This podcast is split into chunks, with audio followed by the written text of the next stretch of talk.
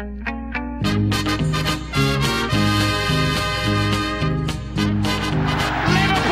are champions of Europe again. Liverpool are prize winners again. Liverpool is in the record books.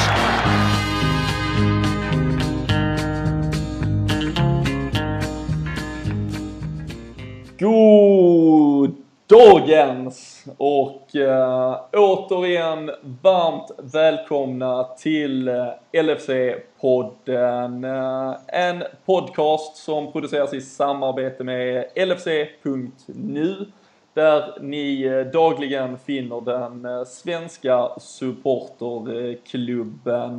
Vi är så här en vecka in på vår säsong nu. Vi hade premiär för en vecka sedan.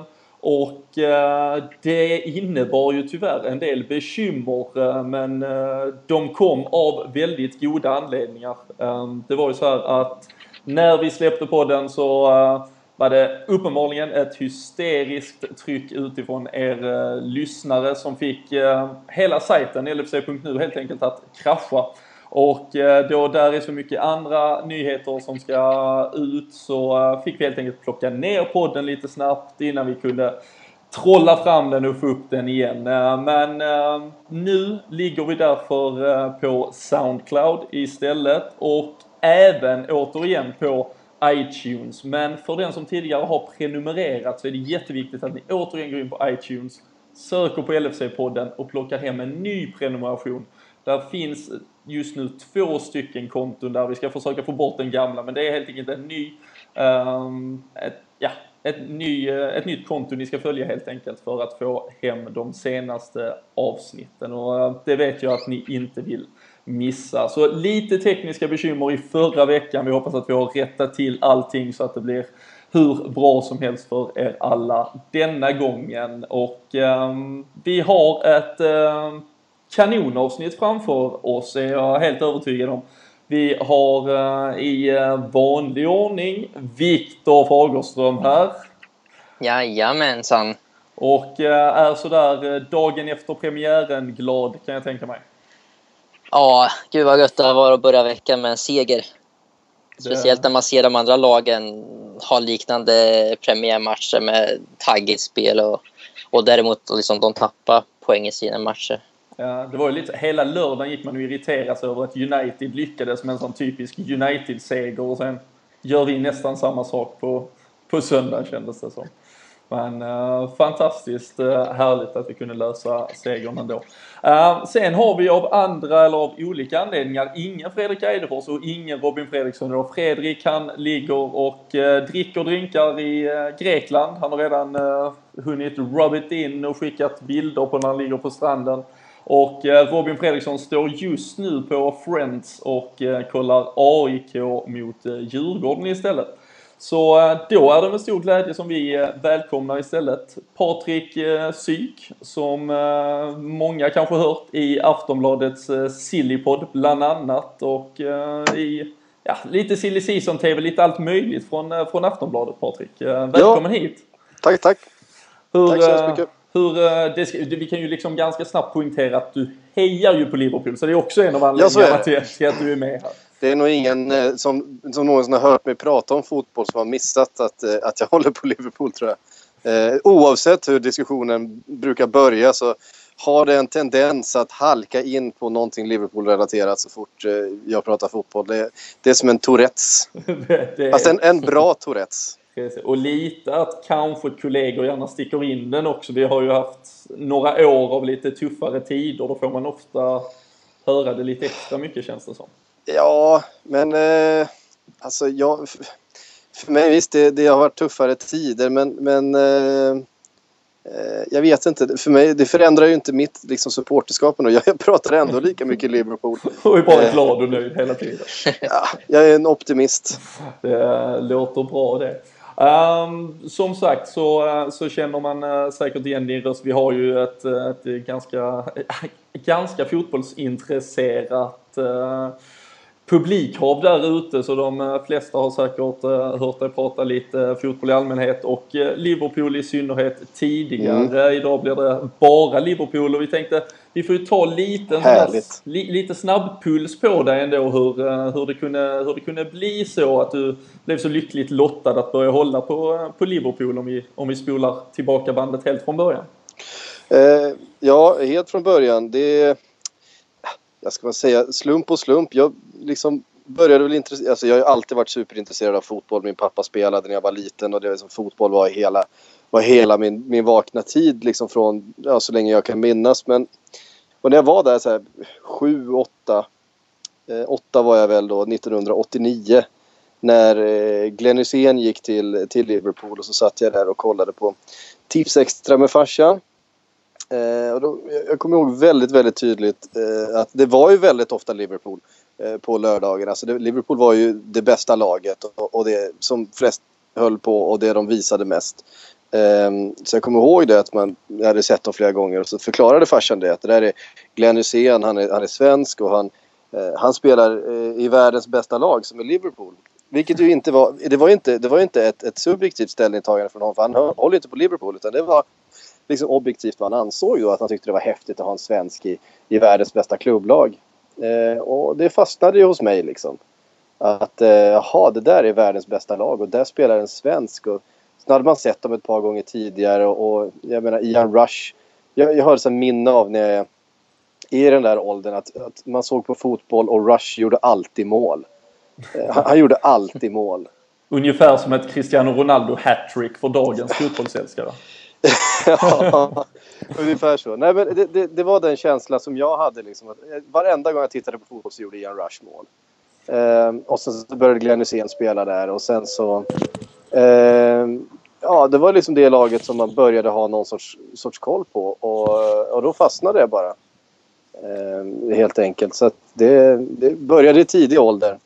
Och tur var väl det. Då hann du trots allt vara supporter eh, under ett eh, ligaguld också. Inte... Hur mycket supporter man nu är när man är åtta år gammal. Ja, men det är bättre än vissa andra ändå. Liksom. Ja, Själv har man så... inte upplevt något i närheten knappt. Nej, det är inte många säsonger. Nej, men, det var också så att man började hålla på världens bästa lag och så vann de någonting så var det ju inte... Det var ju inte konstigt. Det var ju därför man började hålla på dem för att de alltid vann. Eh, så det, det reagerade man ju inte på. Eh, sen när det plötsligt slutade där. ja, nej, men så, så, gick det väl några år eh, då man tittade på ungefär lika mycket. Det fanns ju inte så mycket fotboll att titta på. Det fanns liksom eh, man läste Buster och det var liksom sådär. Men, men det fanns ju i ärlighetens namn inte sådär jättemycket information att få tag på utan det var ju de här eh, liksom tidningarna man kunde komma över och de enstaka matcherna man såg på, på tv och man såg ju landskamper förstås. Och, och så var det ju då tips extra på lördagar och, och man hoppades ju alltid att det skulle vara Liverpool de skulle visa. Eh, men då, så då var man ju inte så aktiv i sitt supporterskap under liksom ah, när man var sådär 9, 10, 11. Eh, men sen någon gång där 90 ja, vad kan det ha varit, sådär 93, 94. Övergången mot Premier League helt enkelt? Ja, jag skulle säga att, jag skulle säga att eh, VM 90 eh, när jag var nio år, det var väldigt stort. Eh, och jag var extremt besviken när Sverige åkte ut. Jag tyckte det var skitjobbigt. Eh, och sen var det ju EM på hemmaplan då 92. Och det var ju då liksom som mitt, mitt fotbollsintresse som liksom eh, inte bara handlade om att jag själv skulle spela fotboll. Eh, verkligen kickade in och då var det ju mycket Liverpool så man, man hade ändå det, man hade ju det med sig. Och man verkligen började liksom försöka läsa allting och man eh, Vi hade en, en, eh, en Amiga 600. Det är en sån där som ni ungdomar inte vet vad det är för någonting men det eh, dåtidens eh, Fifa hette alltså eh, eh, vad fan hette det? Nu har jag glömt bort vad det hette också. Sensible Soccer. Sensible Soccer. Var det med joystick då till och med? Ja, ja självklart. Oj, oj, oj. Svart tack 2 eh, satt man där och då spelade man ju med, med Liverpool och då var det ju då jag tror att det var 92-laget som var med där med eh, ja, Rush var väl kvar och det ja. var eh, John Barnes och det var ja, det var många fina killar. Så där, eh, där på något sätt eskalerade med tiden Ja, sen. ja precis. Ja, men sådär. Och, sen, och sen dess så har det ju liksom hållit på. Eh, kan, kan man säga. Ja, men det, nej, det låter... Sen kom hela alltså Spice Boys-eran där. Jag kommer ihåg jag hade en stor, eh, jättestor plansch med Jamie Redknapp över sängen. Och, ehm, det kanske är, det låter som ett udda val men, men eh, Jamie Redknapp var ju liksom någon sorts... Han var ju classy liksom. Och han var, han var bra och han var snygg och han liksom... Var det till och med den här champagnefärgade bortadräkten som vi hade där på mitten? Nej, det var det, det, var det Den var han inte. ju Det var extra den, stilig nästan. Ja, det kan jag hålla med om. eh, när det var den röda dräkten så hade jag en, en, eh, en plansch med Patrik Berger också. Eh, och han var ju bra. Fan vad han sköt hårt. Eh, ja, nej, det var fina killar. Hela Spice Boys-eran där, då var, det, då var det väldigt mycket. Då var det, Med, då var det rock'n'roll. Ja, det är, Så är det. härligt. Och, eh, och på den stigen är det sedan. Och, eh, nej, men det är som sagt väldigt, väldigt kul att eh, ha dig med här. Vi har också haft lite så här folk utifrån som gärna vill höra fler röster kring Liverpool. Vi är ju trots allt ganska många i det här landet som fortfarande eh, håller på det här laget. Så, eh, Mm. så det, ska bli, det ska bli väldigt kul. Vi får väl se. Vi, vi har ju dessutom skapat lite av en eh, kemi här där vi vet ganska mycket om vad den andra tycker. Så det kan vara ganska skönt att få ännu fler influenser till saker och ting. Även om där verkar finnas gemensamma nämnare kring vad man tycker är bra och dåligt i, i Liverpool ändå kanske. Så vi får väl, eh, vi får väl se här under, Mm. eh, under avsnittets gång. Men eh, om vi, om vi startar eh, med allt det som var igår. Eh, premiär med allt vad det innebär. Det var resan tillbaka till Stoke 77 dagar efter den tragiska tennismatchen som slutar 6-1 liksom eh, på avslutningsdagen. Och, ehm, det, det fanns ju otroligt mycket prestige bara i det, Viktor, att liksom komma tillbaka och ja, återupprätta allt som vi hade på något sätt nästan förstört den där dagen. Eh, Gick vi in på något sätt med ännu mer press än vad man gör en vanlig premiärmatch på grund av alla omständigheter? Ja, jag, jag tror ändå spelarna och kanske framförallt Brenda Rogers kände av det. Något extra tryck, kanske, kanske inte mest för fansen men väldigt mycket för sig själva och, och liksom för sin egen prestige och sin egen, vad liksom vad de tycker om sig själva och sin kvalitet och, och liksom vad de vill stå för och ha för anseende. Liksom. Det, alltså så som det slutade förra säsongen, det, det händer ju visst då och då. Liksom. United och City hade ju någon sån batalj och, och liksom, vi körde ju över Arsenal någon gång. Där liksom det, även om det var mot Stoke, liksom, sådana matcher ska ju inte få hända, men det händer ju ändå. Och det, vi hade ju en väldigt annorlunda approach till Stoke-matchen nu. Nu i helgen tyckte jag det var helt klart ett annat fokus på defensiven och inte alls det här öppna och anfallsvilliga laget som vi har lärt känna vid Rogers styre utan det, det var helt annat tycker jag. Defensiven var ju väldigt stabil och, och det låste ju matchen väldigt mycket åt båda hållen. Och Det var ju helt klart, alltså att komma ut som segrare var ju allt. Liksom, prestationen i sig, den, alltså, de första en, två, tre matcherna, det, det kommer jag inte bry mig särskilt mycket om. Det är egentligen att jag vill se någon, någon sorts inriktning prestationsmässigt och taktikmässigt. Vart är vi på väg? Men alltså, resultatet är ju allt. Speciellt så här tidigt. Ja, Så är det. Jag tyckte det var helt jävla övertydligt hur eh, Brendan Rodgers har fasat inför den här matchen. Alltså Ja. första, första halvlek, det var ju liksom... Det fanns ju inte en spelare med en offensiv order på plan. Det handlade ju bara om håll tätt, håll nollan fram till halvtid. Eh, sen kanske vi kan våga oss gå framåt något i andra men, men vi, vi får inte släppa in en boll före, före halvtid. Det, det var väldigt tydligt att att det var orden från Brennan Rodgers. Att bara det att han ställer upp ett, en 4-2-3-1 på det sättet med, med både Henderson och Milner som så defensiva.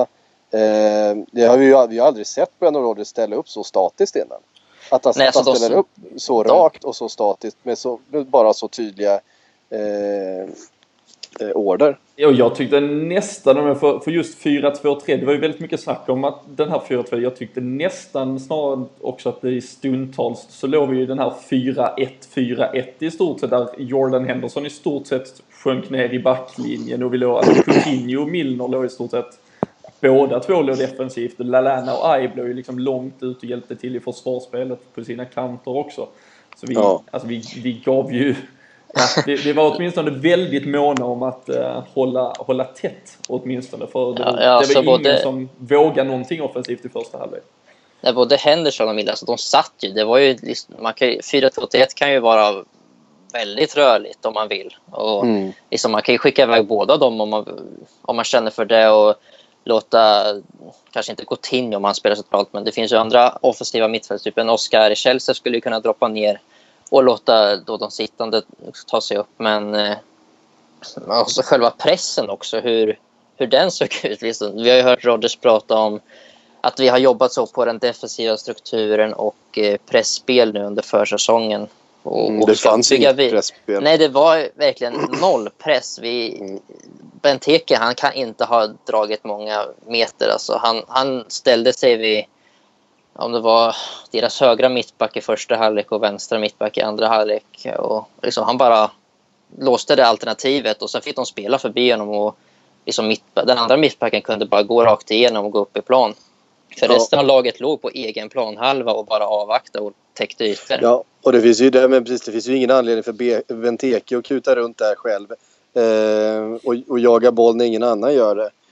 Eh, så att det tror jag, han hade nog den orden också. Att, Absolut. Att, eh, ja, men ställ, ställ dig där, låt dem spela en längre boll upp. Så, så, så tjongar vi tillbaka den till dem och så låter vi det gå 45 minuter och sen ser vi vad vi kan hitta på. Ja. Eh, Ja, Rodgers var ju till och med förvånande, förvånande svärt eh, öppen med det i media också. Han sa ju det rakt ut, precis det vi har sagt. Att liksom, det var mycket liksom, fokus på defensiven och att vi sedan ja. i slutet av matchen ska ha kvaliteten för att kunna skapa några lägen som ska ge oss vinsten. Mm. Och jag tror inte att den, den statistik, eller, taktiken hade ju inte sett ut så om det hade blivit en annan match då i slutet på förra säsongen. Jag tror att den gjorde ont hos Brennan Rodgers. Ja, så hade vi vunnit med, med 2-0 den gången hade vi väl kommit med klassisk så här Brendan Rodgers övertro på sig själv och sitt lag i stort sett och liksom ja, mycket väl spelat eh, en, en offensiv 4-3-3 helt utan defensiva riktlinjer. Men... Då, hade vi, då hade vi kommit med en, med en diamantformation med Jordan Henderson längst bak. Antagligen. Men, eh, men, men Jordan Henderson annars om vi stannar lite där. Det, det kändes ju som att matchen på något sätt vände när vi egentligen på pappret gjorde ett defensivt byte i, i form av att vi plockade in Emre Can. Um, kom in istället för Adam Lallana där efter en dryg timme. Och framförallt så kunde ju då Jordan Henderson och James Milner frigöra sig helt plötsligt. Och då fick vi ju ta del av, av löpningar, vi fick lite pressspel, vi fick ett djupledsspel som vi, som vi inte hade sett under den första timmen. Uh, hur mycket ja. betydde det för matchen? Man måste, man måste låta Jordan Henderson springa. Det om Jordan, det, är det enda Jordan, om, om, Jordan Henderson inte får springa så, blir det, så är jag inte mycket till fotbollsspelare. Det är ju så. Ja. så att, eh, Eh, och jag menar i första halvlek så, så, fick han inte springa. Det var liksom inte hans år utan han skulle stå i vägen. Eh, och, och visst, det kan han väl göra. Eh, med, med fördel också. Men, men menar för att vara den fotbollsspelare som Jordan Henderson eh, är och, och framförallt kan vara så måste han ju få springa. Mm, absolut. Och jag tycker nästan egentligen det, det är samma sak med Miller fast kanske en eh, inte lika hög mån. Alltså, han är också en spelare som, som ska röra sig och vara lite på vift sådär. Och speciellt om man spelar centralt. att liksom det, det vi har sett i City att han, han visar sig väldigt ofta och och ta mm. mycket löp som öppnar upp ytor för andra och liksom är sämst, det, är det sämsta som kan hända. Och, och mm. ja, men det blev så lite, det var ju en helt annan grej. Man kände ju att det blev lite den här flashbacken från när vi spelade Steven Gerrard och Jordan Henderson bredvid varandra. Att ingen vågar sticka för man vågar inte lämna den andra och så blev det att båda bara stod där. Där det nu då istället när Emre Can kommer in så vet man han kommer stanna, han kommer finnas mm. där. Och nu mm. plötsligt satte ju Milner och Henderson fart åt alla håll och kanter, alltså jobba ner mot hörnflaggor, tog själv löpningar in i boxen på ett helt annat sätt. Så det blir ju lite den där, ja, ett plus ett blir tre effekten när du liksom får in en som bara tar det där. Så kan Och du frigöra så mycket mer. Det är faktiskt det som öppnar upp för Coutinho sen också, att det, att det är mer rörelse. Eh, att eh, försvararna inte, helt enkelt inte är lika, lika tight på. Eh, som gör att han får den, den ytan efter han vänder upp. Steve Sidwell. Ja men precis, nej, men hela Mm. Sto- alltså Stokes inom mitt fält fick ju lite att tänka på helt plötsligt. Alltså det, det drogs iväg. Ehm, och ehm, nej det kändes verkligen som att det var ett om än fortfarande lite ringrostigt så ändå ett annat Liverpool-lag efter den där timmen och efter de eh, formationsändringar som det innebar att, eh, att vi fick in uh, Emre Can här. Men eh, vad tror ni där om det? För nu, nu snackar vi att lite premiärnerver och lite allting. Men det har ju varit mycket snack kring Brendan Rodgers och hans kanske ja, defensiva mittfältsproblem på något sätt. Han har aldrig riktigt velat ut och köpa den där store defensiva mittfältaren, den där namnkunniga super spelaren som kanske många har skrikit efter, en William Carvalho eller vem som helst. Nu valde han att starta en premiär utan någon en, renodlad och istället då ja, be, liksom egentligen då minimerade möjligheterna för en sån som Jordan Henderson. Lite som han till viss del kanske gjorde med en Steven Gerrard stundtals också. Um, är han ändå, har han lärt sig att Emre Can är ett bättre alternativ och var han bara försiktig från början? Eller startar han faktiskt med det laget som är det laget vi kommer få se under större del av säsongen? Alltså få in Emre Can där som, och ha han som en slags sittande mittfältare med både Milner och Henderson som får ta sig framåt och liksom, blir tvåvägsspelare som, liksom, det är ju där de är. Det, liksom, det gynnar ju alla egentligen. Kanske inte Ibe då som kanske hoppar, kommer utanför elvan men liksom, i laget och stort så blir det ju en mycket bättre balans på mittfältet och helt klart en starkare defensiv. Och sen alltså, att ha så pass många ändå... Alltså det finns ju kreativitet i Milner och, och Henderson. Det gör, alltså de, de skapar sina chanser och har gjort det de senaste säsongerna. Men, men det är ändå skillnad på att ha en extra David Silva på planen en extra Coutinho. Men, men det kanske är den uppoffringen man, man får göra om, om man vill ha ett starkare mittfält. För det är helt klart att föredra än så som vi börjar matchen. Även om man kan justera rollerna så, så tycker jag ändå att, att få in Chan där, det, det gör mycket gott. Jag tror, inte, jag tror inte att det är den uppställningen som, som vi kommer få se. Jag tror att det här var en uppställning just för eh, Stoke. Eh, jag tror att Brennan Rodgers var eh, besvärad över att eh, Eh, det var debutanter i backlinjen. Han har ju uppenbarligen inget förtroende för Moreno eh, utan valde att spela Joe Gomez. Eh, och det tror jag att han var, var nervös över. Och ville därför helt enkelt säkra upp. Jag, jag, jag tror att det här var en, en one-off. Jag tror vi kommer få se helt andra eh, taktiska utflykter från Brennan Rodgers.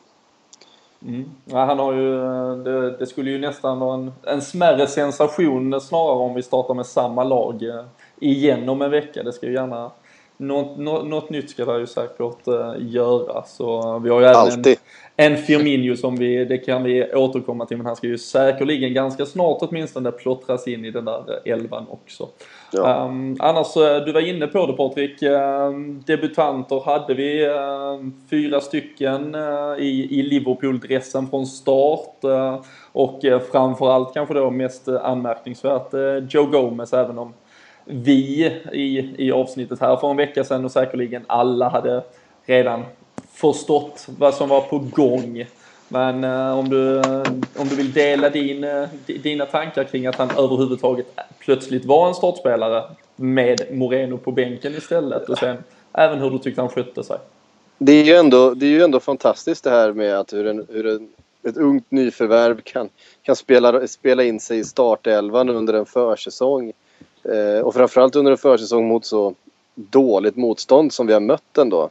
Det har ju varit ganska svårt tycker jag att eh, få en känsla för hur, hur bra han faktiskt är. Han har sett jättebra ut men mot liksom eh, ja vad har det varit Malaysian 11 och, och så vidare. Ehm, eh, men ja, han, han skötte sig ju jättebra och, och uppenbarligen så, är, så har han ju också presterat på träning. Ehm, för eh, annars hade han ju inte fått det här förtroendet. Moreno är ju trots allt hel och har en hel säsong med Liverpool eh, i bagaget även om han inte har varit någon, någon direkt succé. Men jag gillar ändå Moreno. Jag tycker det är lite synd om honom. Jag, jag, alltså han, han gjorde inte bara dåliga saker. Visst, han är svajig defensivt men, men eh, ja. Kan det, kan det vara lite trots att vi, eh, du, vi har redan varit inne på det här liksom skräcken från Britannia förra gången vi var där. Eh, Moreno hade ju inte en bra match då och då spelade han tillsammans med Sacco på den där ja, vänsterflanken av backlinjen. Båda de två var ju bortplockade till denna gången. Eh, Ja, Emre, Emre Can hade väl om möjligt en ännu sämre dag på jobbet. precis. Eh, och han Kanske, kanske föredrog man eh, Joe Gomez och fysik också. Det kan säkert Ja. spela in. Som för eh, alltså Stokey som, som lag och även Jonathan Walters där är ju väldigt fysiska. Och han, Ja, bara- fysiskt så vek han ju inte ner sig en tum. Fan, vad, hemsk han, vad hemsk han är, Walters alltså. han är ju han bara bra är Liverpool. lurig på något sätt. Han Jag är vet inte. vidrig alltså. Fan vad jag blir nervös varje gång han är nära. Alltså, fan. Jag vet inte, han ser inte ut som en fotbollsspelare. Han ser inte ut som att han ska kunna göra någonting. Men så gör han det i alla fall. Jag, jag, jag tycker inte alls om honom. En, en rivig jävel. Ja, verkligen. På Och, ren skånska. Ja, verkligen. och, och, och stark och, och ganska, så, ganska teknisk ändå. Fast man, man blir lurad hela tiden och liksom tänker att men det där löser ju aldrig han. Liksom. Och så fan får han med sig den där jävla bollen ändå. Ja. Eh, nej, oskön spelare tycker jag. jag Han är ju trots allt lite av den sista kvarlevan från det här gamla Stoke också. Så man på något sätt tycker man ändå lite om honom. Ja, han var ju... Han var, han var väl mest teknisk av alla i hela det laget.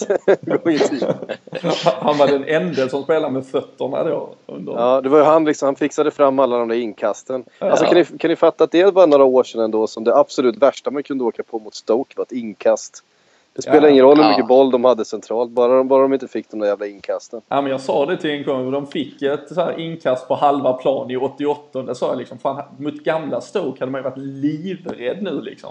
Hade Rory, Rory laget. går upp och gör Hela laget piruett och Ja. kastar Alltså- iväg. Kommer ni ihåg den matchen när de hade ri- ritat om linjerna och de hade lämnat de gamla linjerna utanför? ja. Ja, Alltså, herregud.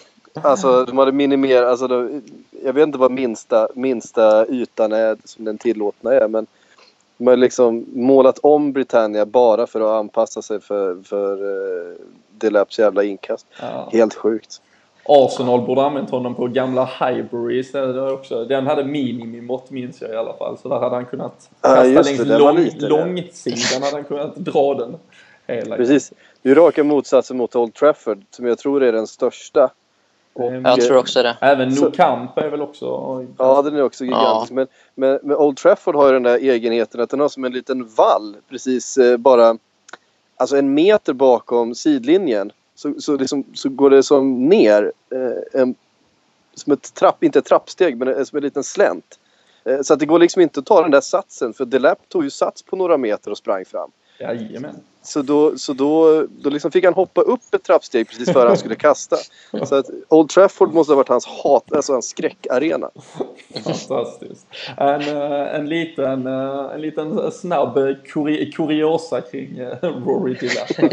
Ja, det måste man bjuda på. Absolut. Um, annars i backlinjen så även Nathaniel Klein gjorde sin, sin Premier League-debut för Liverpool. Um, kanske en av dem som man ändå visste också väldigt tydligt vad han skulle, vad han skulle leverera och, och gjorde väl också det till, till mångt och mycket vad man, vad man förväntade sig från honom. Solid och kom, följde med upp när tillfälle gavs. Det var ju också väldigt väldigt tydliga restriktioner på den fr- fronten kan man väl säga då, i åtminstone första timmen. Men, eh, men vill ju gärna göra det åtminstone om chansen ges i alla fall. Ja, absolut. Det är ju en, en, en spelare som, som är helt och hållet redo för, för den här rollen och för det här laget. Menar, det, det, det känns så klockrent. Eh, han är ju precis den här... Alltså han kommer, han kommer ju aldrig, han kommer aldrig vara världens bästa, bästa högerback. Men han, han kommer i nästan varenda match vara precis så bra som Liverpool behöver att han ska vara. Mm. Eh, och det, det, det, mycket bättre kan man på något sätt inte ha det. Och känns... Jag tycker ändå spontant det känns väldigt mycket som den Glenn Johnson som kom till Liverpool för vad är det nu, eh, sju år sedan ungefär vi plockade in honom, sex, sju år sedan. Men att han också kan försvara lite bättre till och med. Uh, så liksom en, en upgrade på ändå den Glenn Johnson vi värvade som var bra och inte den som numera spelar i Stoke. Även om Ja. han... Uh, det var också sånt man var rädd för igår, att han plötsligt skulle vara helt magisk. Men, men såg han inte lite tjock ut? Han lite, lite rultigare. Ja, jag vet inte, ny frisyr hade han i alla fall. Ja, Ja. jag tyckte... Ja, det ja, undrar, undrar om han har skött kosten nu. Vet, du. nu ska, han- ska han varva ner i Stoke, du vet. Och det, är, det är inte lika höga krav nu. Spelar med Kan nummer man- åtta helt plötsligt. Ja, det.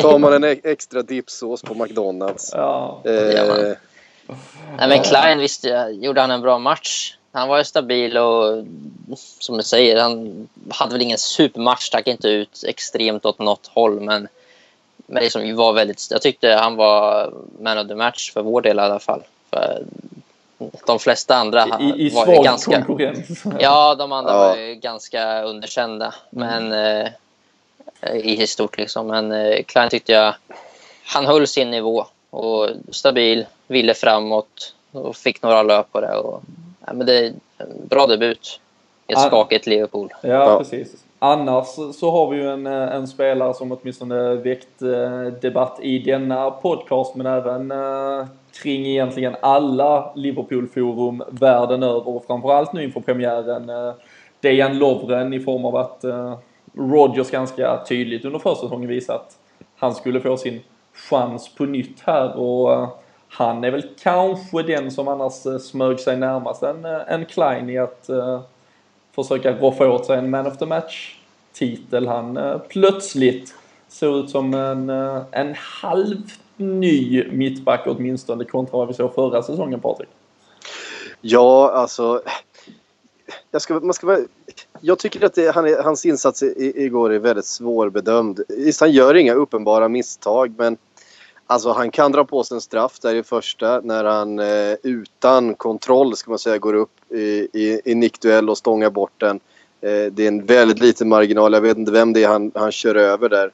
Eh, han kan dra på sig ett rött kort med den där armbågen. Han borde kanske haft ett rött kort med den där armbågen. Ehm, och eh, alltså han är ju ganska bra så länge han inte behöver fatta så speciellt många beslut. Eh, han, han är ju han, han är, han har ju helt okej fötter. Uh, han är ganska stor, han har rätt bra spänst, han är inte så dålig timing men han är ju, han är ju dum som ett jävla skåp uh, när det kommer till snabba beslut. Alltså han, det känns som att han, han tar fel. Alltså är det, är det 50-50 så tar han fel nio gånger av tio. Och, och det är en egenskap som man måste på något sätt beundra. Eh, hur, det kan, hur det kan bli så fel Ja. liksom. Optimisten kommer fram ändå. Ja. Fick, det, det fick det till att beundra efter en... Ja, ja Men- men, så är det. Men, men jag fattar inte. Jag, alltså han, han, han tänker ju inte fotboll utan han bara gör. Och det funkar ju inte om man ska vara, om man ska vara central eh, försvarare. Eller det funkar överhuvudtaget inte om du ska vara fotbollsspelare på den här nivån. Att inte tänka utan att bara göra, bara agera. Du vet, han, han, han stöter när han ska falla, han faller när han ska stöta. Han, han sänker spelaren när det ju inte är någon liksom, fara på taket. Han, ah, Nej, han har smittats lite av Skirte som drog på sig ett gult innan. Liksom, har en felvänd anfallare 50 meter ifrån målet. Ja. Ja. Alltså, Skerter har ju lite samma sjuka men, men, men är ändå smartare än vad eh, Dejan Lovren... Eller dum är väl fel att säga. Han, han tänker ju inte överhuvudtaget. Utan han bara gör. Spelar på intuition helt enkelt. Ja, exakt. Konstant. Så det, Eh, Mm. Och den intuitionen... Men vi får ändå ge del ett, ett plustecken. Och jag, alltså igår, igår behövde han inte fatta speciellt många beslut. Det är det, det, är det jag försöker säga. Eh, och det, därför gjorde han heller inte så, så många misstag. Utan bollen kom till honom. Det fanns liksom inte mycket han kunde välja på. Eh, och då kunde han nicka bort den när han skulle nicka bort den. Han kunde fördela boll när han skulle fördela boll. Eh, och sådär. Men eh, eh, han hade ju dessutom väldigt bra täckning framför sig utav Henderson och Milner. Eh, jag tyckte, jag menar Joe Gomez är ju, är ju mittback i, i grunden. Mm. Tänkte väldigt mycket defensivt. Eh, sådär så att eh, ja. Jag, jag är liksom inte beredd att förlåta Dejan Lovren för något för den insatsen mot Stoke igår. Nej. Vi, eh, Nej. vi får vi får väl se lite där. Det, nu hade vi ju inte ens, eh, Sacco var inte ens eh, på bänken utan det var ju eh, Kolo Touré som var mittbacksalternativet där. Um, även om som ni nämner Joe Gomez fanns ju men man hade väl om någon skulle blivit skadad hade man kanske inte vågat prova honom som mittback helt plötsligt men, uh, men det känns ju ändå tydligt att det är det här Lovren Skartel som, som Rogers vill bygga på Viktor. Eh, ja, det, alltså, det var vi inne på ganska mycket har varit i tidigare poddar när vi har sett försäsongsmatcherna och vem som har spelat vart och så, vart Chaco har, har traverat och så. Men eh, det kom ju ut eh, efter att eh, laguppställningen eh, postats att eh, Sarko, Sarkos fru hade fött ett barn och att han hade missat träning på, på grund av det den här veckan. Och kanske en annan Sacco, ett Sacco-fan vill ju få det till att, eh, att, att det har varit planerat. Att, nej, men att Lovren då har fått ja. eh, chansen. Att, han startar ju de alltså, tre A-lagsmatcherna, man ska kalla det, på försäsongen. De tre sista där, Lovren, mm. tillsammans med Skrtel. Och, och att det då var planerat att ja, Sacco kommer att bli borta om, liksom, inom den här två veckors intervallen. Och att vi då satsar på ett par som kan spela. Att hon ja. helt enkelt skulle ja, föda på, på matchdagen ska... i stort sett. Och... Alltså, ja, det, där... det ska bli en konsekvent fyrbackslinje som inte tvingas byta dagen innan match för att det kommer ett nytt barn. Liksom. Mm. Precis. Det där, det där, jag, jag, kände samma sak. Jag kände faktiskt inte till det här med, med Sacco och eh, att han skulle ha barn här i, i, i veckan förrän eh, jag fick reda jag, jag, jag läste det igår helt enkelt. Och där någonstans tyckte jag ändå att eh, poletten trillade ner varför eh, Sacco inte har fått chansen i försäsongen. De har ju vetat om att det här barnet ska komma förstås. Eh, och därför har tagit ett beslut ganska eh, tidigt där att, att det är Lovren som kommer, som kommer starta mot Stoke. Och eh, om det nu är så som vi har eh, spekulerat kring tidigare att Brennan Rodgers har haft extremt mycket ångest inför den här matchen. Eh, ja. Ja, då har han helt enkelt, eh, då har Sacco helt enkelt eh, fått stå tillbaka och, och, han har fått försöka spela in Dejan Lovren och Skertel så mycket som det bara har gått. Så vi tänker snarare att det är att Mamadou Sackos privatliv här har eh, diskvalificerat honom från liksom en, ens, ens chans att, uh, att ta den där startplatsen snarare än att uh, Rogers faktiskt tycker att Dejan Lovren är en, är en bättre mittback än Mamadou Sakho. Mm. Det är jag inte Man vill ju tro på. i alla fall. det, är där, det är där det, tvisten alltså, kommer. Alltså vad Brendan Rodgers tänker alltså, är ändå att veta. Ja. Ja, men liksom Lovren var ju första val och hade ganska stort förtroende, eller väldigt stort förtroende förra säsongen och hur vi började. Men alltså, till slut så, så tappade ju till och med han det och Sarko fick gå in och han spelade ju mesta delen av andra halvan av säsongen och avslutade ju säsongen. Ja. Och, och liksom, det känns inte som att han helt plötsligt har gjort en helomvändning igen och att Lovren nu är den allsmäktige som ska, som ska starta helt utan tvist på försäsongen. Nej. Nej, vi får se. Vi ska, vi ska rikta blickarna mot Bournemouth och lite, lite framtid ganska snart så får vi eh, kanske dyka in på det lite till där. Men annars, eh, James Milner var ju den tredje debutanten som startade. Vi har nämnt att han var precis som Jordan Henderson väldigt eh, återhållsam även om det var, det var kanske inte på eget eh, initiativ då helt enkelt under eh, stora delar av matchen framförallt och inledningsvis. Eh, annars kändes det lite som i Klein-fallet att man, man visste ungefär vad som skulle vad som skulle komma av det. Hade det varit en öppnare match hade det säkert varit en mer kreativ James Milner också men det, det var ganska begränsat vad man kunde prestera igår känns det som. Ja, alltså, vi, måste ändå, vi måste ändå säga att även att de hade eh, även att de hade eh, order om att, att spela defensivt så, så spelade ju både, både Henderson och Milner dåligt. Alltså de, de slog bort väldigt mycket bollar. Eh, de såg lite tröga och sega ut i, i, eh, i speluppfattning och så vidare. Det, eh, man är inte riktigt i, igång än liksom. Eh, det var ju en, det var ju en usel match. Om vi inte har sagt det så kan vi säga det. det, var ju, det var ju en fruktansvärt dålig fotbollsmatch. Eh, det var ju ja, bland, bland det sämsta man har sett alltså. Ja. Eh, det var ju Ja, till så och det var ju dåligt för oss som Liverpool-supportrar. Alltså man kan ju tänka sig om man är neutral och sitter upp och kollar på det där. Alltså jag, Ja, jag, jag alltså. hånar ju rätt mycket, jag träffar rätt mycket United-supportrar på lördagskvällen där och hånar dem för liksom hur tråkig United-Tottenham var på lördag förmiddagen och det, det ska ju också sägas att den var ju tråkig men, men det här var ju ännu värre det vi, vi bevittnade sen på söndagen kändes det som. Rent spelkvalitet och, och tempomässigt om man, eh, om man ser det så åtminstone. Ja, ja, vi, vi spelade in Sillypodden förut idag och då snackade jag lite med Fredrik Jönsson och, och, och Erik Niva precis före vi skulle spela in och båda två var ganska överens om att all den här eh, all den här liksom, eh, känslan, den premiärkänslan och all den här stämningen, den, liksom, den dog efter 45 minuter på Britannia. För det var så jävla tråkigt att titta på. De tappade sugen Ja, båda två det, och det, och det, är så här, det är klart att eh, som Liverpool-supporter så har man väl, så har man väl kvar lite, eh, lite känsla eh, i en sån match, eh, även om den är dålig. Men som neutral måste den varit fruktansvärd. Alltså. Ja, nej jag tror inte Ja, man var... satt ju där och kände, alltså, är det här allt efter 45? Är det det var så fruktansvärt. hela Ja. sommaren? Det ser ut som en uppvärmning. Ja, Ja. knappt. Knappt det. Man brukar vara passningssäkrare på uppvärmningen i alla fall. Ja, ja det var hemskt. Ja, Men, men i alla fall, eh, så, så, så Milner, nej, han var ju inte... eh, Ja, precis, som, precis som Henderson vill ju han springa, röra sig över stora ytor. Eh, gärna bryta igenom, komma som lite gubben i lådan in i boxen från en, från en kant eller, eller från lite djupare ner i banan. Eh, och när, när ingen av dem får spela så som de vill så, så märks det att de tappar i övriga spelet också. Att eh, stå där på hälarna och slå eh, fem meters passningar till varann och försöka hitta Benteke med någon, eh, med någon 40 metare då och då. Det, det, liksom, det passar inte riktigt någon av dem. Eh, och det går ut över deras spel.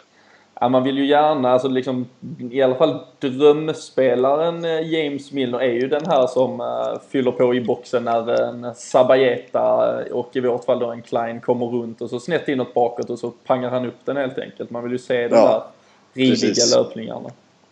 Men, men förhoppningsvis, som vi har varit inne på, vi vill ju gärna se kanske både, både honom och Henderson i, i klart offensivare roller framöver då. Men annars var det ju Benteke du nämnde. Han fick eh, en del långbollar att jobba på men annars, annars var han väldigt isolerad längst fram. Hela anfallstrion, om vi ska ens kalla den det med Lalana och Ibe som skulle vara någon form av understöd åtminstone på pappret. Ehm, där, ehm, där hände det inte mycket Viktor. Nej, det var isolerat som du sa. Det, han hade ytterst svårt att visa någonting egentligen. Han, alltså, första halvtimmen någonting så tyckte jag ändå att han var... Så som sagt var det en väldigt uselt spelad match, men jag tyckte ändå att första halvtimmen så... Han tror han vann fyra dueller kanske första 30 och, och var iväg på några löpningar där Coutinho, även om han gjorde ett drömmål, alltså slog bort väldigt mycket genomskärare som man kanske har blivit bortskämd med att han sätter alltså på bra Benteke-löpningar. Och kanske eh, Battlan gjorde det bra som kom ut några gånger men eh, tyckte ändå att det var liksom, några positiva tecken så från hans sida. Men alltså, det blir svårt att uträtta något när, som vi säger, alltså, det hänger ihop hela, hela laget när vi säger att Milner och Henderson får sitta och inte ta de löpningarna som, som de borde göra. Då, han får ju inget understöd och alltså, han lever ju på understöd. Han måste ju ha det. Mm. Mm. Speciellt mot ett Stoke som är så pass fysiskt och, och kompakt. Ja, jag, alltså, jag tycker Benteke gör en... eh, Under, efter förutsättningarna liksom, så bra han kunde på något sätt. Eh, han, han, löpte, han löpte på de ytorna som, som uppstod, vilket inte var speciellt många. Han eh, vann de flesta av, av sina nickdueller. Han eh, eh, försökte ändå kombinera ett par gånger med Coutinho. Eh, inte lika ofta med Lalana och Aib, men det var ju knappast hans fel.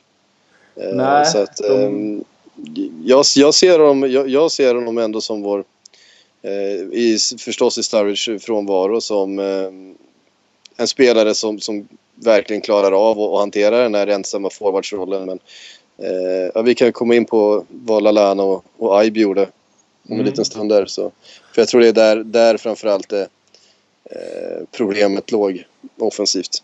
Ja, och eh, nej men egentligen du, eh, du, du bryggar över i det, i det själv ganska bra. Det var ju annars eh, mycket snack om att Jordan Ibe, en fantastisk försäsong och nu plötsligt så liksom skulle han kliva in här. Ehm, även Lalana har ju återigen mot oerhört svagt motstånd här under försäsongen sett lite sådär eh, småtrevlig Lalana-aktig ut som man kan. Han kan ju ändå göra sina stillastående finter och lite annat som, eh, som funkar på en försäsongsturné. Men ehm, det kändes inte som att någon av dem ehm, direkt stärkte sina aktier att, eh, att fortsätta när en sån som Firmino är back in business och ja, även, även andra offensiva kvaliteter känns det kan, kan utmana dem om sina platser här. Mm. Eh, jag, tycker, jag tycker det är ganska stor skillnad mellan, mellan Aib och Lalana här. Eh, Aib är eh, en 19-åring som liksom, av, liksom på grund av att han är så ung, jag menar precis som alla unga spelare i världen, eh, kommer vara ojämn. Eh, han eh, jag, jag, tror, jag tror inte riktigt han gjorde det han skulle heller för han hamnade alldeles för långt ut på kanten. Spelade nästan som en, som en eh, klassisk högerytter i en 4-4-2 liksom slickade linjen och det, det är ju inte eh, det var nog inte tanken. Eh, eller så var det det och då undrar jag vad Brennan Rodgers har sagt till honom. Det gjorde ju inte Lalana eh, å andra sidan för det, eh, han hade väl lite mer förstått sin roll. Eh, han är ju där å andra sidan och det är ett mycket större problem. Att han är inte tillräckligt, han är inte tillräckligt rapp. Han är inte tillräckligt, hans speluppfattning eh, är inte tillräckligt snabb. Alltså han, han behöver för mycket tid på sig med boll för att fatta rätt beslut och han, han känns som att han har svårt att fatta de där besluten. Så då blir det att han, han krojfintar ett par gånger eh, och sen så, så slår han bort bollen för han vet inte vad han ska göra av den. Han hade behövt lite av DN Lovrens uh, intuition helt enkelt. Det ska bara sprang på och bara köra helt enkelt. Han skulle behöva släppa bollen mycket tidigare ja. men han vet inte vart han ska göra av den. Har, det känns inte som han har en tanke när han får bollen till sig. Var, alltså, han skulle behöva vara lite mer Henke Larsson. Ja. Eh, mm. Om ni, ni, kommer ihåg den svenske, den svenske forwarden. han minns jag inte. Jag har hört talas om honom i alla fall. Han som, kan ju omöjligt vara bättre än John Guidetti i alla fall. Som ju var fenomenal i det att han alltid visste vad fan han skulle göra av bollen när den kom. Ja. Alltså, det var så tydligt, han hade en plan, han tog en löpning och när bollen kommer då ska jag göra den här med den. Eh, Lalana kan springa runt och få bollen och sen så han, måste han stå och trampa på den och titta för han har ingen aning om vart lagkamraterna är. Han har knappt någon aning om vart, vart eh, med, eh, eller mot, motståndarna är. Och då står han där och fintar och det gör han ju rätt bra. Han, han är ju flink i fötterna och sådär. Men det blir ju ingen end product. Och mot, klart mot sämre motstånd när, press, när pressen inte ligger på då får han den där tiden att stå och titta upp eh, och kunna spela runt. Men han har fina fötter och, och, och allt sånt där. Va? Han har liksom bra avslut och bra passningsfot och så vidare. Men i det här tempot så, så, så funkar det ju inte. Nej, och man, det är definitivt en poäng i det. Och även den fysiska biten tycker man ser det blir tydligare och tydligare att, uh, han är väldigt svag på bollen när, när det mm. väl kommer till närkamp. Alltså de, man tänker att, jag vet som gammal fotbollsspelare, att man, man ser liksom, och här kommer det bli en närkamp och det du behöver göra nu är att komma in framför boll, liksom, vara var liksom mellan spelare och boll. För det kommer en tackling, det kommer en spelare som ska komma in och pressa. Men han liksom kommer in med sidan i alla fall och så blir det liksom en liten tryckning bara och då, då försvinner han. Ja. Speciellt mot stora Stoke. Liksom det, jag inte, det har väl också med intelligens att göra. Det är lite samma spår. Ja, men det förstå, det men, förstå det, vad som pågår. Ja, men det är det jag menar. Eh, kolla på Coutinho, det är ingen bjässe liksom. Eh, men han, han, eh, han har en tanke och, och och har han inte, ja, men då lyckas han i alla fall transportera sig bort ifrån motståndarna och sen så, så gör han någonting av det. Eh, Lalana står och trampar och, och, och vrider runt och, och, rör sig ofta liksom ut, bort från situationer, ut mot, eh, mot kanterna, ut mot eh, hörnflagga sådär har han en, en extrem tendens att hamna, liksom stå, stå felvänd ute i korridoren och, och Cruyff-finta. Det är ju Eh, det leder ju inte till någonting va? Det känns ju lite som att han har fått den här klassiska självförtroende-törnen ganska tidigt på sin karriär i Liverpool och nu försöker han göra det lätta som istället blir det svåra. Helt, alltså där han då rör Mm. sig mot en yta, oavsett var den ytan är någonstans. Liksom, är den inte ens i rätt håll så bekommer det honom inte så mycket. Um, men... Alltså, ehm, Jag kan ha fel här. Alltså det, det, det, är den upp, det är den upplevelsen jag har av honom. Och, och, och tyvärr är det så att jag, jag, tycker, jag ser inte Lallana som en startspelare överhuvudtaget. Han, alltså, jag ser inte vad han tillför eh, med de kvaliteterna. Jag, jag, är, jag är väldigt, väldigt eh, skeptisk till, till Adam Lallana. Jordan Ibe däremot. Han, han kommer vara lite, lite ojämn men han, men han utmanar. Han lyckas ofta. Han vill ju mot mål hela tiden. Man ser ju att så fort han får bollen så tar han sats och så springer han ner mot mål. Eh, det är ju det han gör liksom. Sen hamnar han alldeles för långt ut på kanten och för långt ifrån Benteke. Men det, det handlar väl också om att han taktiskt inte är... menar, Han, han, har ju liksom, han är ju tonåring liksom. Eh, hamnar inte lika rätt. Ja, i alla situationer. Han möter jätteduktiga försvarare, jätteduktiga mittfältare i Stoke som, som är vana att, att möta det här och, och, och kan styra ut honom. Se till att han hela tiden får... Att hela tiden ha honom utanför sig och inte släppa in honom. Eh, och sådär. Nej, precis. Och så får vi ett väldigt skevt balanserat lag i den här matchen. Igen då med, med liksom att vi spelade med två centrala mittfältare som bara satt och Benteke som höll sig väldigt centralt och nästan aldrig kom ut på en kant i anfallsspelet när vi hade boll. Ja. Och liksom Lallana på andra kanten som kanske liksom sträcker sig till centralt som mest då från sin sida. Och då, de låste ju Klein och Ibe hur många gånger som helst med att bara kliva upp. Liksom Walters och... Eller vem det var som var på den sidan. De kunde ju... Affela som- var det de- som... Var det Afala? Ja. ja. Mm. Alltså, han kunde ju pressa bort två spelare ensam i och med att hans lagkamrater låg så pass nära och att vi, liksom, det fanns inget annat alternativ. Nej, Han kunde liksom precis. gå på Klein och då täckte han både Kleins framfart och Ibe helt utan problem gång på gång. Och, och det är inte den, inte den typen som spelare Ibe är som ska ha bollen liksom i trängda lägen där och, och sen hitta på. Utan han ska ju ha yta så han kan ta med sig farten och, och utmana som sagt. Ja. Nej men det var ju alltså överlag en oerhört liksom statisk insats från T. Alltså det var väldigt mycket stillastående, det var positionsspel, vi låg långt ifrån varandra. Det var ju, det det var i stort sett inga tendenser till liksom några snabba. Vi hade, jag tyckte vi såg en snabb period när eh, Chan hade kommit in, när man liksom såg den här lite ungdomlig entusiasm i en Jordan Henderson att han plötsligt fick springa där vi liksom satte lite fart. Um, och hade liksom att han kom in i boxen två, tre gånger. Men, men utöver det så var det ju väldigt stillastående överallt helt enkelt. Och det, det gynnar liksom inte någon egentligen. Liksom Benteke blev ensam. Eh, uh, Aibo låg inte nära någon i stort sett. Nej. Coutinho var ju fast i något ingenmansland egentligen också. Ja, han hade ju, han hade ju om vi ska välja en bedrövlig match förutom den sparken. ja. Eh, han Ja, gjorde inte många rätt alltså. Och uh, Brendan Rodgers uh, fick uh, blåsa lite på fingrarna där på en, uh, en klassisk tysk uh, fingerspitzgefühl uh, efter Mm. att ha uh, behållit honom en minut extra på planen i alla fall. Det var ju, uh, han erkände ju sen efteråt också att uh, Danny Ings var på väg in där istället i, uh, i absoluta Ja, det. slutskedet. Men uh, Mm. det, det kanske också är ett, uh, något Brendan ska lära sig att Coutinho ska man nog behålla. Lite som en Gerard Ja, Ja, back in the days. ma- magin finns där. Den, Ja. Ja, det är ett, det. vilket mål det är. Alltså det, det blir bara snyggare och snyggare och längre bort från målet och längre bort från målet. Alltså det är det otroligt är vackert. fantastiskt. Läste ni att det var en Stoke-supporter som fick en hjärtattack när han gjorde målet? Jag läste det. Ja, det, är, alltså, det är sant. som tur var. Ja, alltså, de fick använda defibrillatorer och återuppliva människan. Så han ligger på sjukhus nu och hämtar sig gott, som tur är. Men det är... Ja, Ja, jag vet inte vad man ska säga. ja, det, var, det var en eh, makalös, en riktig hästspark alltså. Men eh, ja, han gör ju sådär eh, nu för tiden.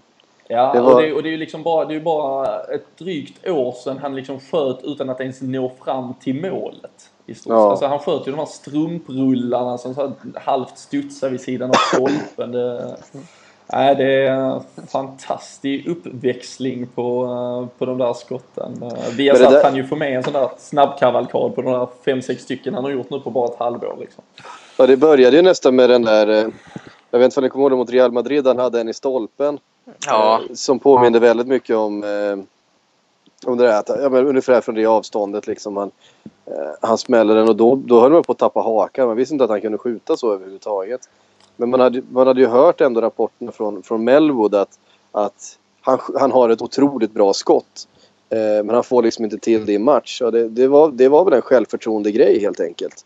Att eh, det låste sig lite för honom när, när han väl fick läget. För att han är ju otroligt bra på att ta sig till de där lägena. Eh, Att just, att just göra sin gubbe och, och peta fram och, och, och hitta den där ytan. Det, det gör han ju ett par gånger varje match. Absolut. Ehm, så att, ehm, men man, som sagt, vi hörde, nu hörde man igår, Jordan Henderson sa det, vi ser honom göra det hela tiden på träning så vi är inte förvånade. Så Ja. vad fan.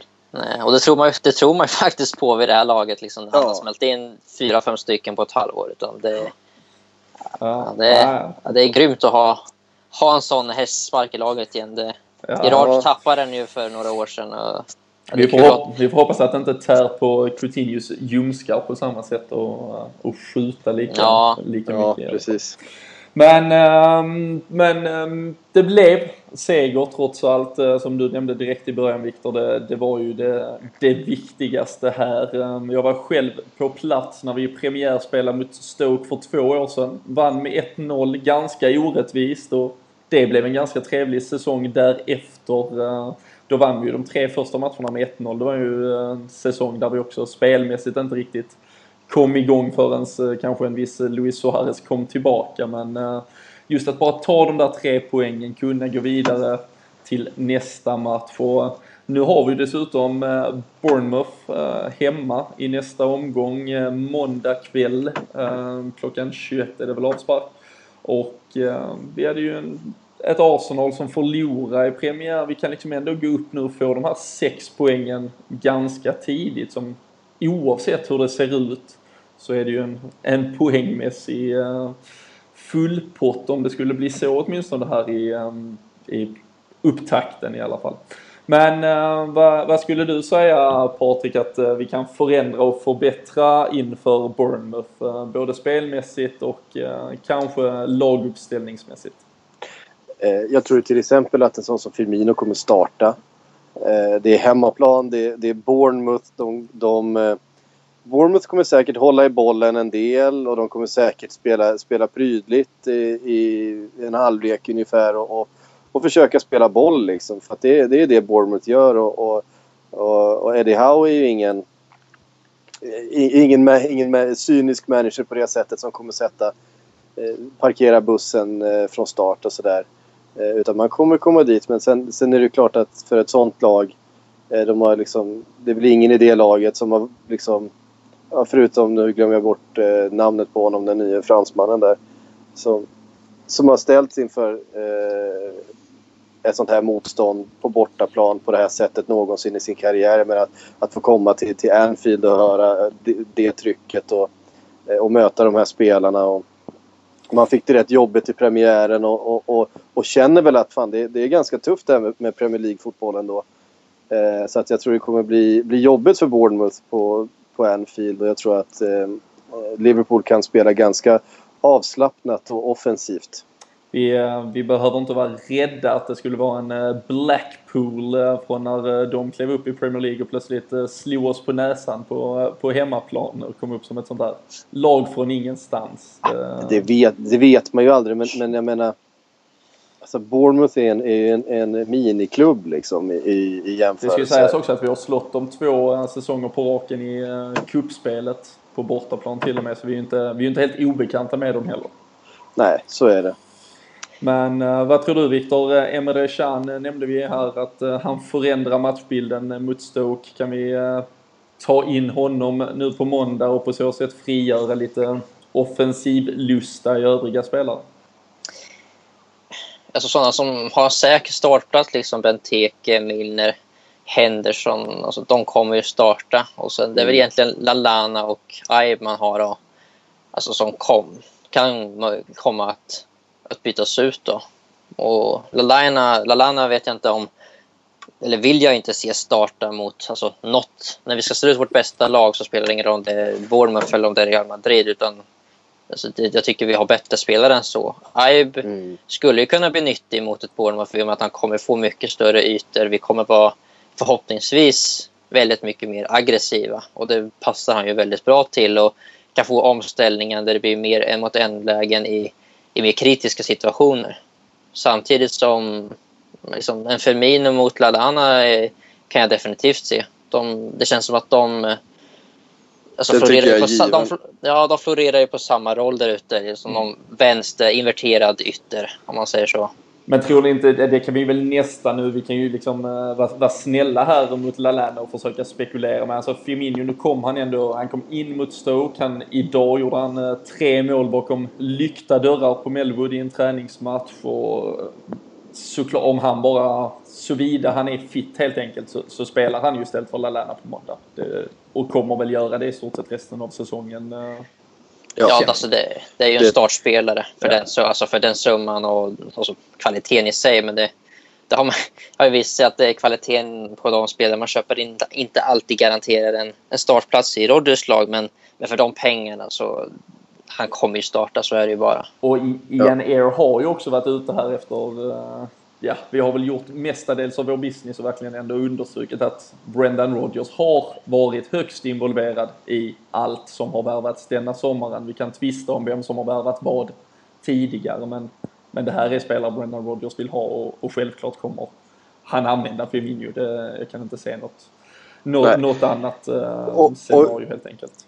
Och jag ska säga, du, du, du nämner Chan där. Jag, är inte, jag, jag tror inte Chan kommer starta det kan nog bli en liknande startelva om vi säger att vi byter, eh, byter ut Lalana mot, eh, mot Firmino. Eh, men däremot så tror jag de har helt andra order. Jag tror att de har helt andra... Eh, alltså, de har tillåtelse att, att eh, kliva mycket högre upp. Eh, att både Henderson och Milner får, får mycket större ytor att röra sig på och, och, och, och helt enkelt Eh, licens att eh, gå hela vägen med upp i anfallen på ett sätt som de inte hade mot Stoke. Mm. Eh, och det tror jag kommer göra hela skillnaden. Alltså jag, jag, gillar, jag gillar Emre Can, jag skulle gärna se att han startar men, men eh, det är inte nödvändigtvis så att det är eh, bara formationen som gör att vi, att vi kan spela mer offensivt. Jag tror också det är helt enkelt vilka, vilka roller man får, vilka, vilka order man har från, från managern. Definitivt, för det är väldigt svårt att få in Emre Can Alltså som jag sa, alltså Henderson kapten, Milner vicekapten och uh, har ju alltså, med all klarhet ett extremt förtroende hos Rodgers. Så det, de två kommer ju starta mesta delen av Premier League-matcherna. Mm. Ja, som, jag, det, som jag ser det då, det är att om, om Rodgers då skulle välja att ställa upp med en diamant helt plötsligt med eh, Emre Can i, i basen, eh, Milner Henderson på varsin sida om honom och, och Coutinho längst fram med Firmino och Benteke som, som forwards framför honom. Mm. Eh, Absolut, det är möjligt. Det, men eh, jag, är inte helt, jag är inte helt säker på att Brennan Rodgers tänker så. Jag tror han vill, jag tror han vill spela 4-3-3. Eh, eller 4-2-3-1 beroende på hur man vill liksom, leka med siffrorna. Eh, leka ja. med siffrorna. Eh, men det blir en tydligare förändring om man sätter en, en Emre Can som en, som en väldigt tydlig defensiv mittfältare.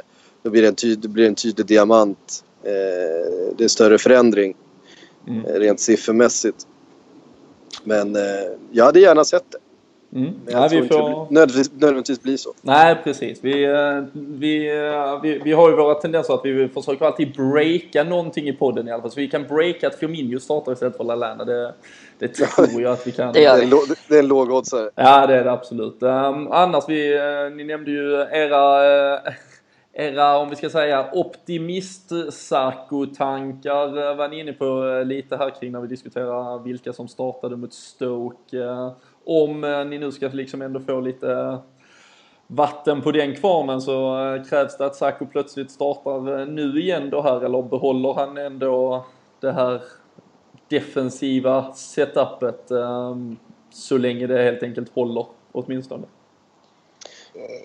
alltså han, jag tycker då, tror, eller ja, Rodgers har ju varit ute och snackat om, om att han vill ha alltså, en backlinje som alltså starta med samma spelare så ofta det bara går i backlinjen. Och inte, jag kan inte se att han går in och ändrar där på någon position egentligen efter, efter startomgången som var defensivt väldigt alltså, säker och vi fick vinsten. Samtidigt som Moreno spelade liksom, bakom stängda dörrar idag och Sarko har varit borta från träning. Eh, det, det, jag, tror inte det, jag kan inte se att det blir någon förändring där, även om man vill ha in Sarko. Han, uh, istället för uh, Kolo på bänken kanske åtminstone. Ja, Så, det kan jag sträcka mig. Ja. ja. Sen, sen, tycker jag, sen tycker jag ofta att det är lite skevt. Jag, menar, jag, tycker, jag tycker också att Sarko är bättre än Lovren, men, men Sarko är ju, är ju inte... Alltså, det är ju inte liksom eh, Piqué vi pratar om. Nej, det jag inte, har... Det, det, det är inte alltså världens det... bästa mittback, Sarko heller. Nästan. Eh, vi, har, vi, har, vi, har gjort ganska, vi har gjort ganska dåliga matcher med eh, Eh, i backlinjen också. Ja. Eh, så att det, det, blir ofta så här, det är bara kontrasten mot Lovren som är så jävla dålig. Ja. så, ja, det... så, så, framstår han som ett geni men... Vi, men, får, uh, vi får se till att ta in dig vid tillfälle när Robin Fredriksson är, är tillbaka. Han, han sträcker ju sig nog till att åtminstone Thiago Silva får se sig passerad av Mamadou Sakho i alla fall. Ja, jag vet. Så, det, är ganska, det brukar vara ganska roligt. Jag brukar lyssna på det så att jag, jag har förstått förstått detta. Därför jag, tänkte, jag hade bestämt när jag skulle gå in där att jag skulle, ja. Ja, jag skulle det... säga den där meningen bara för att bringa lite balans i all, ja, all sack och jag, nej, men jag är, jag är ju på, eh, helt på, på din, eh, din sida. Jag, jag har ju försökt balansera det något sånär men det har ju inte gått. De har ju tagit över. Eh, nej, jag tycker vi ska lägga det som rubrik så, så tweetar vi det till Fredriksson efter matchen. Vi hoppas det inte blir förlust i derbyt också. att AIK har vunnit då. Det, ja, då, då kan det bli utbrott. Ja. Nej, jag, det, det, är säkert jättemånga som inte håller med om vad man, vad man tycker i en sån här podd. Men, men det får man ju bjuda på. Det, ja, man, det, man, man, ser, man ser ju matcher på olika sätt. Så, så, är, eh, så är det. Um, Patrik, det har varit uh, fantastiskt kul att uh, ha dig med här uh, idag. som säger, jag hoppas absolut att det kanske dyker upp någon fler gånger under säsongen här. Bournemouth är vad som gäller på måndag enligt gammal god tradition så uh, tippar vi. Vi försöker ju vara mästertippare här. Vad, uh, vad tror du att Liverpool-Bournemouth slutar? Jag tror att Liverpool-Bournemouth slutar 2-0. Uh, eh, jag tror att Benteke och Firmino gör varsitt mål. Fantastiskt. Uh, Viktor, och innan du säger ditt så fick jag bara någon känsla. Sa du 0-1 eller sa du 2-1? Nej, jag tror jag sa 2-1. Okej. Okay. Tyvärr. Kan jag, tänk, jag tänkte däremot 2-0 nu till mot Bournemouth, men det, då får jag det tog säga, jag. Ja, då får jag väl säga 3-0 då. Då säger jag tror, en, tror ändå på att Bournemouth, de, de började ganska bra mot Villa, men alltså de, de vek ner sig rätt rejält till slut. Mm. Så, och eh, Villa är inte bra. Nej, de är inte det. Och på hemmaplan nu med, med lite nyförvärv och så. Jag tror det, jag tror det kan bli fint. Ja. Uh, nej, men jag, det, ni gör det jäkligt svårt för mig med 2-0 och 3-0 och att jag då skulle antingen bara gå in på pessimist-Robin här eller ultra-optimisten. Men uh, Victor, Säg 4-0. Jag säger 4-0 så, så har vi ground covered helt enkelt. Alltså. Målskyttar? Uh, I så fall så tror jag, jag hade, jag hade ett litet bett nu inför Stoke att James Milner skulle göra mål direkt. Den, så den kanske vi sparar då helt enkelt. Så gör han mot Bournemouth nu. Um, då gör han 1, Coutinho 1, Benteke 2 helt enkelt. I, i stora ja, det är bra. seger. Ska jag säga några så får jag väl säga Benteke, Firmino och Coutinho. Det låter bra ja. det. Eh, vi känns ganska överens med vilka som vi, vi, ska, känns... vi förväntar oss producera någonting. Ja, det är svårt den här, alltså, nu på senare tid. Sen här åker vi på, åker vi på en jävla ja. 2-0 förlust. Liksom, West Ham Arsenal här i Herregud. Ja, men det är svårt det där med småskyttar nu för tiden när vi inte är farliga på hörner och de som är farliga på hörner det är ju Benteke i alla fall kanske och straffskyttar, ja det är väl också Benteke kanske så att mm. det är inte så mångsidigt. Och frisparkare kanske också Benteke. ja, ja, han är bra på dem. Ja. Absolut.